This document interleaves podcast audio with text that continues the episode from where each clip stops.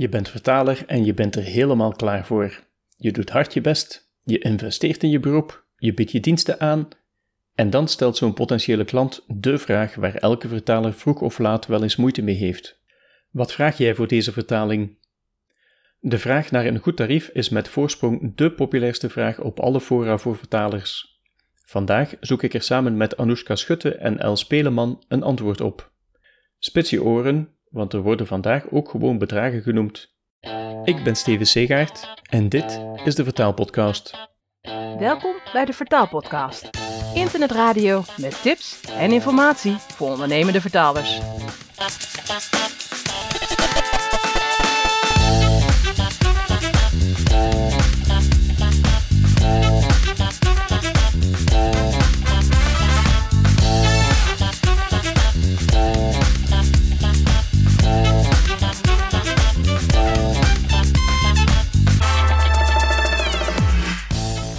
Ik heb vandaag twee gasten.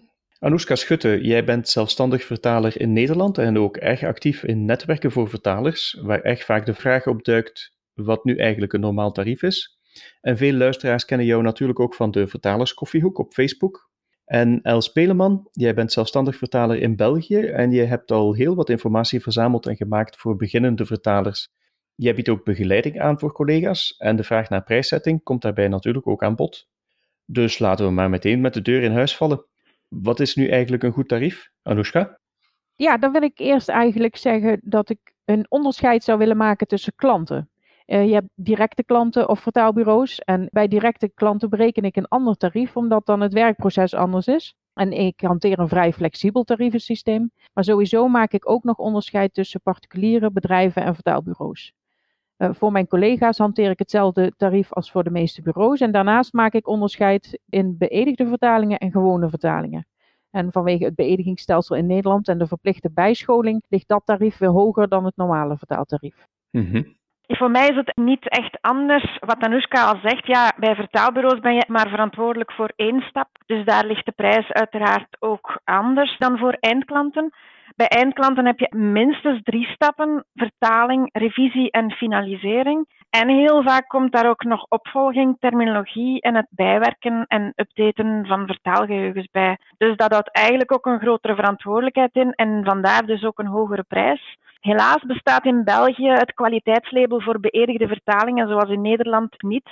Dat zouden ze in België eigenlijk echt wel iets van kunnen leren, vind ik zelf. Dat is eigenlijk een beetje hoe ik het zelf bekijk. Mm dus een goede prijs hangt af van het uh, werk dat je eraan moet besteden. Dan is de volgende vraag natuurlijk, eh, hoe plak je daar dan een bedrag op? Ik bereken dat bedrag eigenlijk op basis van een gemiddelde uurprijs. Die is bij mij tussen de 50 en de 60 euro per uur. Hangt een beetje af van de verantwoordelijkheden en de taken die hier allemaal bij komen kijken. Ik weet gemiddeld hoe lang ik over een bepaald soort teksten doe, omdat ik in Excel per opdracht mijn totaaltijd bijhoud. Hmm. Dus ik start met de vertaling en dan noteer ik op een papiertje gewoon, ik ben nu begonnen. En wanneer ik dan even iets anders doe, dat is niet voor kleine pauzes of dergelijke, ook niet om eventjes nieuwe thee of koffie te gaan zetten. Dat hoort eigenlijk gewoon allemaal bij die totaaltijd. Maar wel bijvoorbeeld als ik zeg van, goh, ik wil eens even iets helemaal anders doen, dan wordt die tijd niet meegeteld. En ja, dan kom ik zo op een totaaltijd per opdracht voor de vertaling, inclusief mijn eigen revisie. En dan uiteindelijk ja, de finalisering als ik het echt volledig moet opleveren. Ja. En voor bijzonder complex uitziende opdrachten reken ik wel 2 cent extra, gewoon om als standaard die extra researchtijd in te dekken. En ook om, als het dan voor eindklanten is, om de revisor een betere prijs te kunnen betalen, zodat die ook zelf de mogelijkheid heeft om extra research te doen. Ja. En ja, voor veel eisende klanten, ja, er komt ook vaak een meerprijs bij als ze mhm. extra zaken eigenlijk vragen. Maar dat is dan vooral omdat het gewoon meer werk is? Ja, omdat het meer werk is, inderdaad. Anoushka? Ja, mijn uurprijs is 50 euro. Ik vind dat zelf niet hoog en ook niet absurd laag. Mhm. Maar vertaalbureaus hebben daar vaak een probleem mee. Die willen dat liever niet betalen. Die hebben de lat toch vaak op 45 euro liggen. Ehm, maar ik moet eerlijk zeggen dat ik zelden uurprijzen bereken voor vertaalbureaus. Ik vind het per uur bijhouden van opdrachten ook moeilijk, want ik ben altijd met meerdere dingen tegelijk bezig. Ik zit echt altijd op mijn tweede scherm, staat altijd social media open. Ik heb met de vertalers koffiehoek altijd één oog daarop gericht. En En daarom hanteer ik bij het berekenen van de uurprijs vaak de bewerkingstijd van een document zoals die in Word wordt geregistreerd bij documentgegevens. Mhm. Dat dat de exacte bewerkingstijd aangeeft. die, die rekent niet mee als jij niks aan het doen bent met je muis of met je toetsenbord. Ja, dat is dus zoals ik mijn uren bereken en mijn uurtarief is daarop afgestemd. Maar ja, zoals gezegd, ik bereken niet vaak een uurtarief. Ja, ja, ja. Dat is een goede tip voor als je Word werkt. Die had ik nog niet geprobeerd. Ja, maar dat is dan inderdaad alleen maar mogelijk als je dan eigenlijk echt in Word werkt. Ja, ja. Ja, In, ja. in de CAT tool doet hij dat niet. In de. CAT tool moet ik het echt bijhouden. Maar als ik in de CAT tool werk, moet ik eerlijk zeggen dat ik eigenlijk altijd een woordprijs heb bedongen. Dus dan gaat dat tijdsbestek ook niet op. Ja. ja. Nu, dat is dan per uur, maar veel vertaalbureaus die vragen vooral eh, een prijs per woord. Hoe reken je dat dan uit? Eigenlijk ga ik hier ook uit van mijn minimumprijs van 50 euro per uur. Bij vertaalbureaus, we hebben het al gezegd, daar heb je eigenlijk maar één taak en dat is of vertalen of reviseren. En ja, dan kijk ik gewoon naar soortgelijke vertalingen in het verleden. En stel dat ik voor een bepaald bureau altijd gemiddeld 500 woorden per uur haal, dan weet ik gewoon dat 10 cent voldoende is. Maar ja, stel dat ik bij elk project voor een bepaald vertaalbureau maar 300 woorden per uur haal, ja, dan is 10 cent uiteraard veel te laag. En Mhm. als we dan eigenlijk kijken naar ja, hoeveel woorden haal je per uur, ja, dan moet ik wel zeggen dat 300 woorden in de meeste gevallen realistischer is dan 500 woorden. Ja. Uiteraard spelen er ook nog andere factoren een rol in de zin van eh, dat je met productiviteitsverhogende tools kan werken, zoals bijvoorbeeld Dragon Naturally Speaking. Maar dat zijn investeringen die ik zelf gedaan heb. Als die mij tijdswinst en dus een, een hogere uurprijs opleveren, dan ga ik mijn woordprijs voor vertaalbureaus zeker niet verlagen. Dat is Mhm. iets waar ik in heb geïnvesteerd. Dus dat is ja, puur extra winst voor mij. Ja. En ook een beetje om de tegenvallers op te vangen. Want ja, soms kan je je echt ook volledig misrekenen op een project dat je denkt van ja, dat ziet er best wel te doen uit. En dat je toch veel meer tijd eraan bezig bent dan dat je denkt. En ja, dan heeft dat uiteraard ook gevolgen voor je uurprijs. Anoushka, hoe pak jij dat aan? Ik moet zeggen dat ik meestal één vaste woordprijs per klantcategorie hanteer. Dus voor vertaalbureaus heb ik een woordprijs, eh, voor particulier heb ik een woordprijs en voor directe klanten, voor bedrijven heb ik een eh, woordprijs. Die hangt eigenlijk niet af van de inhoud. Bij sommigen gaat het gewoon dan sneller en dan bof ik. En bij anderen gaat het langzamer en dan leg ik er iets op toe. Bij directe klanten en bij particulieren ligt wel mijn woordprijs hoger dan voor bureaus, omdat ik daar een extra controle moet toepassen en omdat ik zelf verantwoordelijk ben voor die account en voor de klantenwerving en alle zakelijke elementen, die liggen dan ook onder mijn verantwoordelijkheid. Mhm. En daarom ligt die prijs dus wat hoger. Ja. Wat mij persoonlijk echt geholpen heeft om mijn tarieven te bepalen, is bij te houden hoeveel tijd ik besteed aan een project. En als je dat een paar weken echt heel minutieus doet, dan kun je daar echt veel uit leren. Dan heb je dus een uurloon en een woordprijs. Els, je had het er al even over. Hoe staan jullie tegenover minimumtarieven? Doen, niet doen? En hoeveel dan? Mijn minimum voor vertaalbureaus is 35 euro. En ik weet, ik heb het heel lange tijd niet gedaan in het begin. En toen werd ik echt overstelpt met kleine Mhm. opdrachten. En had ik s'avonds ook echt het gevoel compleet uitgeblust te zijn. En nauwelijks iets gedaan te hebben. En sinds ik dat heb ingevoerd, is dat echt veel, veel geminderd. Waardoor ik ook ja, veel geconcentreerder kan doorwerken. Dus ik ben daar een zeer grote voorstander van. En als ik dan kijk, dus voor vertaalbureaus 35 euro, voor eindklanten ligt dat tussen de 45 en de 60 euro. Hangt Mhm. een beetje af hoe dringend de opdracht is en of ze alles gebundeld hebben, of of ze mij de hele dag lang overstelpen met kleine opdrachtjes. Ja. Ik heb ook een minimumtarief. Vooral voor particuliere klanten was dat lastig, want die keken op mijn website en die zagen dan dat mijn minimumtarief 50 euro was. Mhm. En dachten ze meteen van, oh, nou dat is de prijs. Maar nee, dan moest ik uitleggen dat dat het minimum was en dat alle kleine opdrachtjes onder een bepaald aantal woorden onder die minimumprijs vielen. Ja. En ik moest iedere keer uitleggen dat als ik zeg 50 euro, dat ik dan eigenlijk bedoel 60,50 euro, want de BTW die moeten die particulieren ook betalen. Ik weet niet of dat in België ook geldt. In Nederland ben je bij particulieren verplicht om te vermelden dat iets inclusief BTW is. Mhm. En als je een prijs vermeldt voor een particulier, dan moet jij daar de BTW bij vermelden. Ja. Maar dan stuur je ze een rekening. En dan maak ik heel vaak mee dat ze dan de BTW niet betalen. Want dan zeggen ze, ja, dan kan ik, die kan ik niet aftrekken. Ja. Ja, ze snappen het principe van de BTW niet altijd even goed. Ja, ja, Maar goed, dat is even een zijsprong. Ik werk dus wel met een minimumtarief, vooral bij eindklanten, bij directe klanten.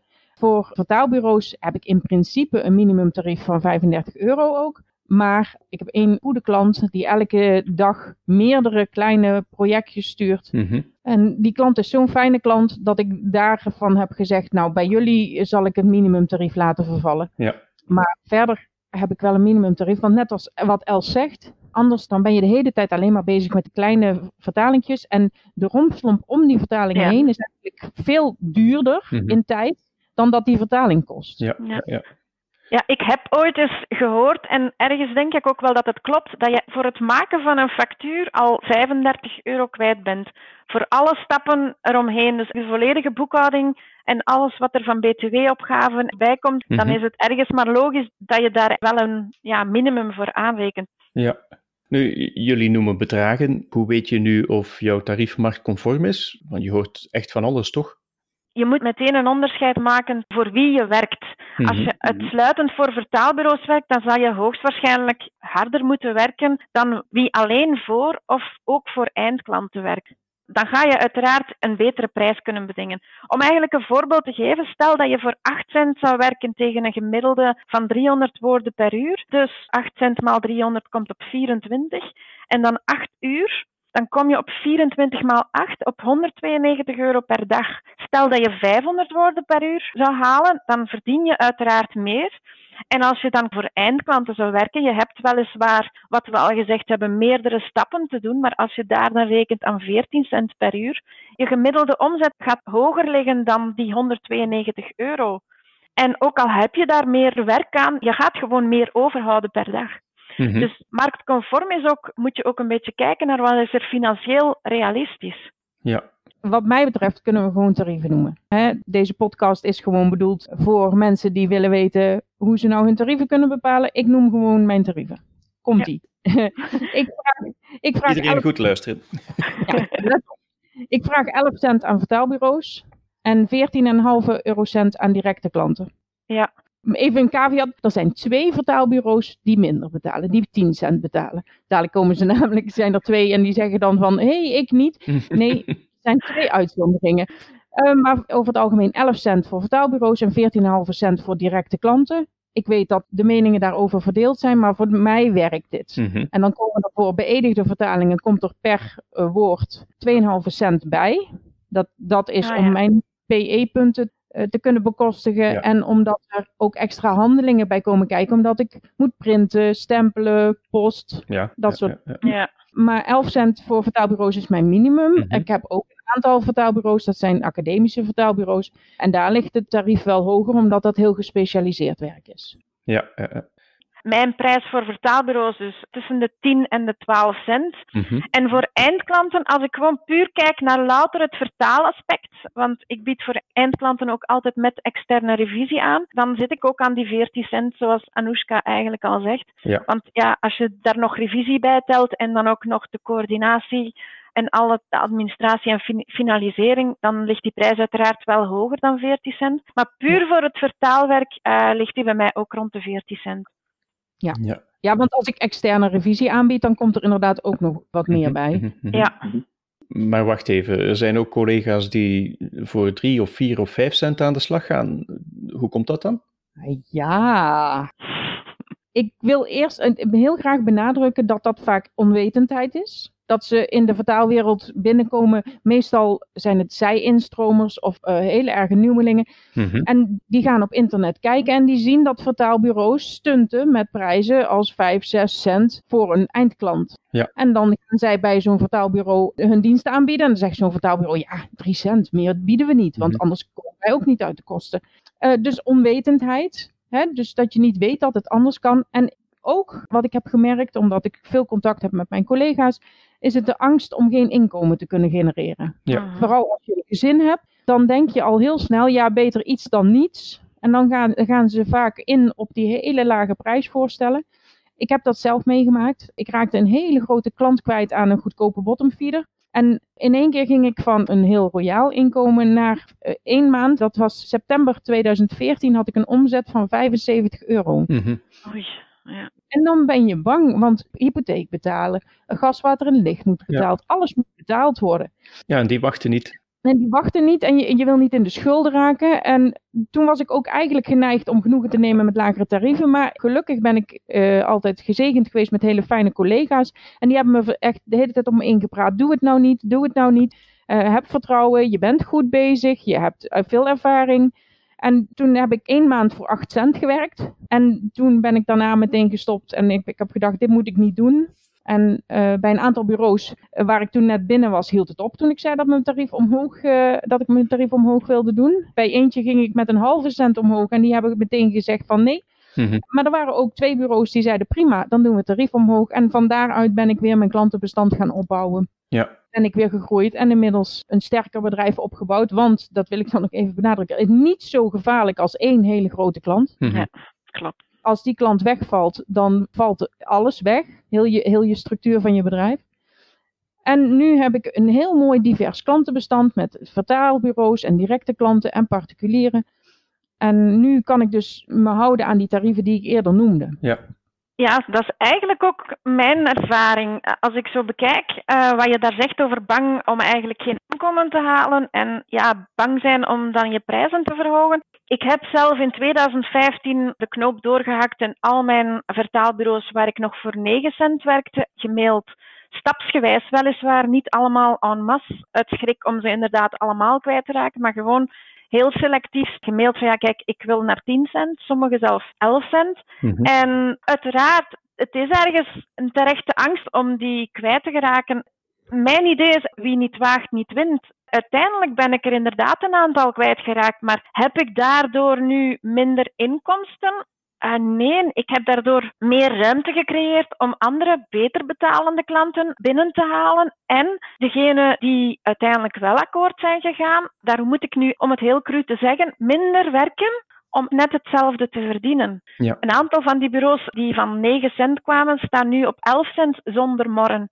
Dus het is gewoon wikken en wegen en zeker gewoon de stap durven zetten en op die manier gewoon je prijzen op een marktconform en realistisch niveau brengen. Mm-hmm. Wat Anoushka daarnet ook al zegt, van ja, die onwetendheid, dat is eigenlijk iets waar zij in Nederland heel erg op inspeelt. En ik probeer dat in België ook te doen met mijn blogs en ja, mijn bijdrages in de vertalerskoffiehoek en op uh, Gent Vertaald. Ja. Die onwetendheid die wordt helaas ook niet aangepakt in de opleidingen. In de hogescholen in Vlaanderen worden bijvoorbeeld tijdens de vertaalopleidingen geen prijzen genoemd.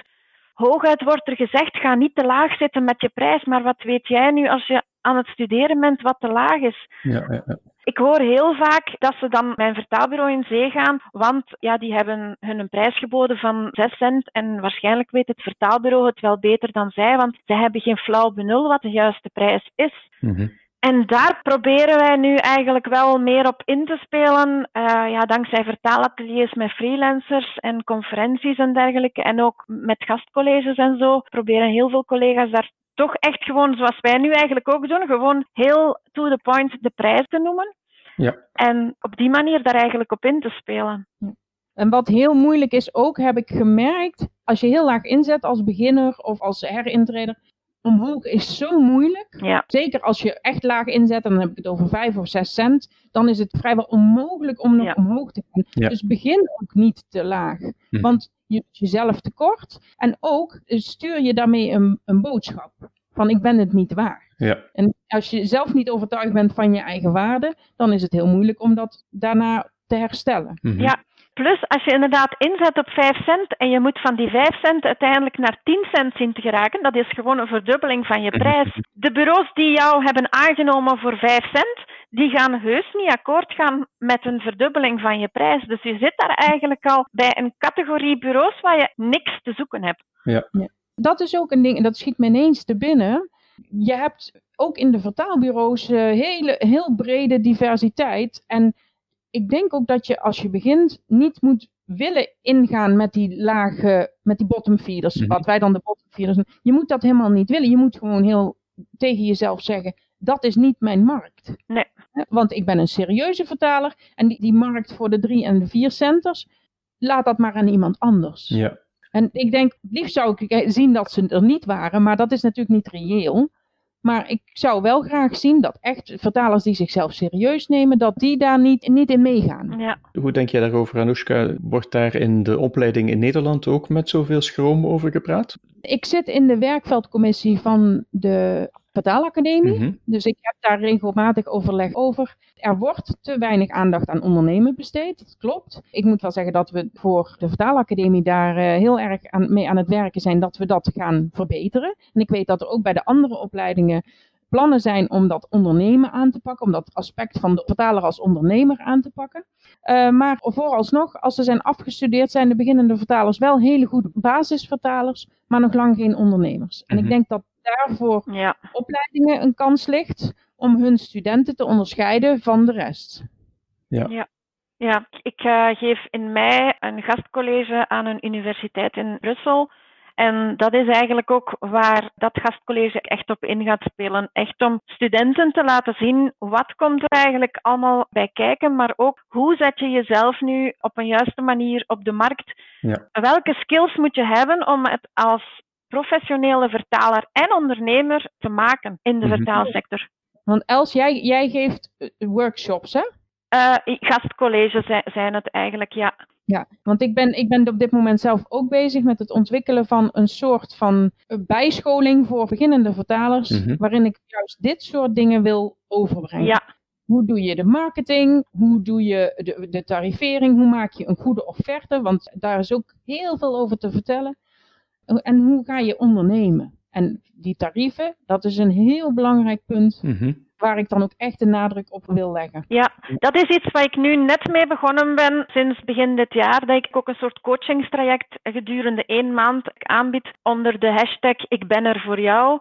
Dat ik eh, startende vertalers gewoon één maand begeleid en dat ze mij de hele dag lang, hele maand lang zelfs, mogen lastigvallen met al hun vragen die ze hebben bij het opstarten van een zaak. Zowel over prijzen, maar ook inderdaad wat je zegt over ondernemen, over prijsoffertes maken, ook over hoe, hoe zit het met de BTW. Alle vragen die ze maar kunnen ja, bedenken, waar zij mee geconfronteerd worden, waar wij als ervaren vertalers al lang niet meer bij stilstaan, omdat het voor ons al zo dagdagelijkse kost is geworden, maar voor hen eigenlijk allemaal nieuw is. Zo probeer ik ook vertalers meer klaar te stomen om ze te behoeden voor die valkuilen die er in het begin van je carrière als zelfstandige allemaal zijn. Mhm. Nou, dat, dat is toevallig heb ik een bedrijfsruimte, eh, die hoort bij mijn huis en die staat niks te doen. En toen heb ik bedacht, als ik daar nu eens gewoon één keer in de maand een soort van cursus ga geven. Mhm. Dat, dat ga ik nu dus doen met die onderwerpen die we net hebben besproken. Ze komen dan wat beslagener ten ijs. Want nu kunnen de vertaalbureaus en de, de klanten ze van alles wijsmaken. En dat vind ik jammer. Want dat is, ja, zij hoeven niet de fouten te maken die wij wellicht in het begin hebben gemaakt. Nee, precies.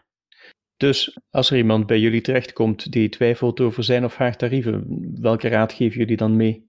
Ja, als ik het zou zeggen, de grootste raad is bereken je eigen tarief. En dat is eigenlijk echt voor iedereen anders. Niet alleen een specialisatie speelt een rol. Ja, ik ben zelf technisch vertaler. Anoushka is vooral medisch, dacht ik. Ja. En eh, jij, Steven, doet vooral juridisch, als ik het Mhm. juist heb. Ja, dat speelt uiteraard een rol. Maar ook van hoe vertaal je, met welke tools werk je. En dan heb ik het onder andere over Dragon Naturally Speaking of andere tools die er mogelijk nog zijn. En dan ja, uiteraard ook afhankelijk van hoe snel werk je, breken op basis daarvan eigenlijk je tarief. Ja. En ja, ga dan uit van ja, hoeveel netto-inkomen heb je nodig om eigenlijk gewoon een goed leven te leiden. Zowel gewoon privé met huishouden en vakantie en alles van hobby's en dergelijke. Maar ook professioneel. Zorg dat je ruimte hebt om investeringen te doen, om ook aan je pensioen te werken. En bedenk ook hoeveel uur per week je ook effectief kunt vertalen. Niet alleen organisatorisch, want je kan kinderen moeten naar school brengen of andere Mhm. activiteiten nog doen, maar ook fysiek en mentaal. Als ik naar mezelf kijk, ik kan echt geen 40 uur per week echt alleen maar vertalen. Dat is gewoon fysiek voor mij te zwaar. Ja, als je dan daar eigenlijk alles een beetje bekeken hebt, dan moet je dat bedrag voor België althans verdubbelen. En dan zit je eigenlijk aan wat je per maand moet draaien om rond te komen. Mhm. Ja, dat geldt voor Nederland ook. En als we dan in cijfers echt gieten, ik vind persoonlijk als je een fulltime vertaler bent en je werkt 40 uur per week, en dan bedoel ik alle activiteiten, dus niet puur het vertalen, want ik werk ook meer dan 40 uur per week, maar dan niet alleen vertalen. Mhm. Dus als je een fulltime vertaler bent, zoals ik en wij alle drie denk ik, dan vind ik persoonlijk dat je toch een gemiddelde omzet van 5000 euro per maand zou moeten kunnen draaien. Want ook al heb je minder nodig om gewoon financieel rond te komen op privévlak, je zit met die investeringen die je moet doen om het als ondernemer gewoon te kunnen maken. Mhm. Je moet als ondernemer gewoon investeren in je zaak. Ja, een upgrade van je CAT-tool, maar ook marketing, opleidingen, vakliteratuur. Het zijn allemaal zaken waar je wel ruimte voor moet hebben, financiële ruimte. Ja. Die heb je niet op 1, 2, 3. Daarvoor moet je sparen. Zoiets, ja, mijn nieuwe website, die is er ook niet meteen gekomen toen ik dacht van nu wil ik een nieuwe website. Daar moeten we geld voor opzij zetten en ruimte voor creëren. Ja, ja, ja. Ja, en, en ook heel belangrijk om in die berekening mee te nemen, verzekeringen. Verzekering is zo ontzettend belangrijk. Niet alleen je beroepsaansprakelijkheid, die is heel belangrijk natuurlijk, maar ook arbeidsongeschiktheid of wat wij in Nederland dan hebben, het broodfonds. Ja. Zodat je iets hebt als er iets gebeurt, dat je niet hulpeloos Ja. bent. Ja. Dat ligt in België iets anders, want in België ben je sowieso standaard verplicht om je sociale bijdragen te betalen. En dat is een bedrag van, als ik het nu goed heb, rond de 700 euro per kwartaal. Die dingen die jij nu opsomt, die zitten daar standaard al in. Maar je kan dan wel nog eh, bijvoorbeeld een aparte regeling doen voor het pensioensparen. Die is ook belastingaftrekbaar. Het vrij aanvullend pensioen voor zelfstandigen, heel vaak gewoon afgekort als VAPZ. Mhm. Maar daar moet je inderdaad ook ruimte voor houden. Want Ja, ja, ja, ja. ach- 700 euro per kwartaal. En de VAPZ kost mij per jaar 2800 euro, als ik me niet vergis. Ja, die moet je ook bij elkaar verdienen. Daar moet je ook financiële ruimte voor creëren. Mhm, mhm. Als je net begint en je komt net uit de schoolbank en je hebt nog niet veel verplichtingen, dan is je inkomen al snel heel hoog in jouw Ja. ogen. Ik kan me dat herinneren van, van toen ik net begon. Oh, het kon allemaal niet op. Ik had zoveel geld totdat de Belastingdienst kwam. Echt, ik wist me geen raad. Zoveel geld wilde die van mij. Ja. Dus je rekent jezelf al heel snel rijk als beginner. En zeker als je eerst gewend bent om op een studiebeurs te leven, dan is natuurlijk Mhm. alles wat meer is, is veel. Maar ja, je moet daar toch heel erg goed naar kijken. En, en zeker als je het echt als, als vak wilt gaan doen, als je echt beroep en je wil ervan leven, dan, dan moet je met heel veel aspecten, heel veel financiële aspecten rekening Ja. houden. Ja. Ja, als ik er dan nog even kan op, mag op inspelen, dan zou ik gewoon zeggen, in België heb je bijvoorbeeld daar, vind ik toch een voordeel, dat je voorafbetalingen kan doen aan de belastingen. Met andere woorden, ik eh, stort elk kwartaal een, eh, al een fors bedrag vooraf, zodat ik achteraf met de echte effectieve berekening van de belastingen misschien hooguit nog 1000 tot 2000 euro moet betalen. En dan kan ik het geld ook niet uitgeven, want ik heb het al doorgestort naar de belastingen. Dus voor mij is het weg. Je moet er ook wel effectief voor sparen, want het was nu ook van ja, stort ik mijn vaste bedrag dit kwartaal of doe ik het toch iets minder, omdat ik dit kwartaal ook iets minder gedraaid heb. Ja, dan moet je echt de afweging maken en gewoon ook financieel het overzicht over je zaak bewaren. Mhm, mhm. Dat is overigens, moet ik er even bij zeggen, in Nederland kun je ook vooruit betalen hoor. Ja, Je hebt de keuze. ah ja, En eh, op een gegeven moment toen mijn zaak zo heel slecht ging in 2014, toen heb ik gezegd van nou ik wil even niet vooruit betalen omdat dat heel veel geld was. En dus dat doe ik nu niet, maar dat kan dus wel. ja, Als ik beginnende vertalers spreek, dan zeg ik altijd dat ze heel goed moeten nadenken over hun USP's, hun unique selling Mhm. points. Wat onderscheidt jou nou van de rest? Hoe ben jij anders dan de meeste andere vertalers? En dat kan zijn door een hobby of een voormalige baan. En dat je dan heel veel ervaring hebt op een bepaald punt. Zelf ben ik bijvoorbeeld medisch gaan doen omdat ik echt heel vaak ziek was en in het ziekenhuis lag. Mhm. En dat is dan een mooi begin voor een specialisatie. En op basis van die ervaring kun je dan ook tegen een klant zeggen: Dit kan ik heel goed, hiervoor ben ik de aangewezen persoon. Ja, ja, ja. En dan kun je ook tegen een klant zeggen: Dat kost een beetje meer dan gewoon de eerste, de beste vertaalcowboy. Dat zelfvertrouwen, dat is ook heel belangrijk. Want als jij niet, en dat heb ik al eerder gezegd, als jij niet in jezelf gelooft, hoe moeten anderen dat dan doen? ja. En mijn, mijn laatste tip is eigenlijk: ga netwerken. Ik weet dat heel veel vertalers echt heel graag alleen maar achter een computer zitten en de wereld buitensluiten. Maar wat ik heb gemerkt is dat als je de boer opgaat en jezelf gaat verkopen in het echt, dat dat helpt. Mhm. Dat de gunfactor daardoor heel groot wordt. Want dan gunnen mensen, klanten jou het werk en dan doen ze ook minder moeilijk over tarieven. Want ze denken, als ze met jou hebben gepraat en je hebt een goed verhaal klaar, dan denken ze echt dat jij het ook verdient, dat, dat geld. En uh, ja, er komt gewoon niemand aan de deur smeken of jij voor hun wilt vertalen. Je moet jezelf verkopen. Ja. En dat netwerken lijkt mij een heel mooi onderwerp voor een andere podcast. Klopt, dat is een fantastisch idee. Want ik vind het persoonlijk best griezelig. Er is helemaal niks griezelig aan, maar het is inderdaad wat Anoushka zegt. Je moet de boer op, je moet echt gewoon jezelf laten zien. En zoiets gaat ook niet op 1, 2, 3. Je moet ook niet, al, niet verwachten dat je daar meteen opdrachten gaat uithalen, maar je gaat er ook meer zelfvertrouwen van krijgen. Mhm, mhm, Ja. mhm. De mensen luisteren naar je verhaal en jij mag vertellen over iets wat je graag doet en dan gaat het eigenlijk echt vanzelf. En wat ook heel belangrijk is bij netwerken, is dat je heel erg goed luistert naar wat die ander jou Ja. vertelt. Wat ik altijd doe, is ik verzamel kaartjes, visitekaartjes. Of eh, ja, ik maak kleine aantekeningen en dan sta ik te praten met zo'n ondernemer. Ik maak even een mental note en op het moment dat niemand kijkt, schrijf ik dat op. En dan de dag daarna, dan stuur ik een e-mail. Zeg ik, wat leuk, ik heb jou gezien op die en die bijeenkomst. En jij vertelde over dit en dat. Dan koppel je terug dat je, en dan laat je zien dat je hebt geluisterd. En dan maak je een link met, ik denk dat we mogelijk in de toekomst wel iets voor elkaar kunnen betekenen. En dan ga je niet zeggen, al- als je vertaalwerk hebt, dan moet je dat aan mij geven. Maar dat bedenkt hij dan later zelf wel. Ja, klopt.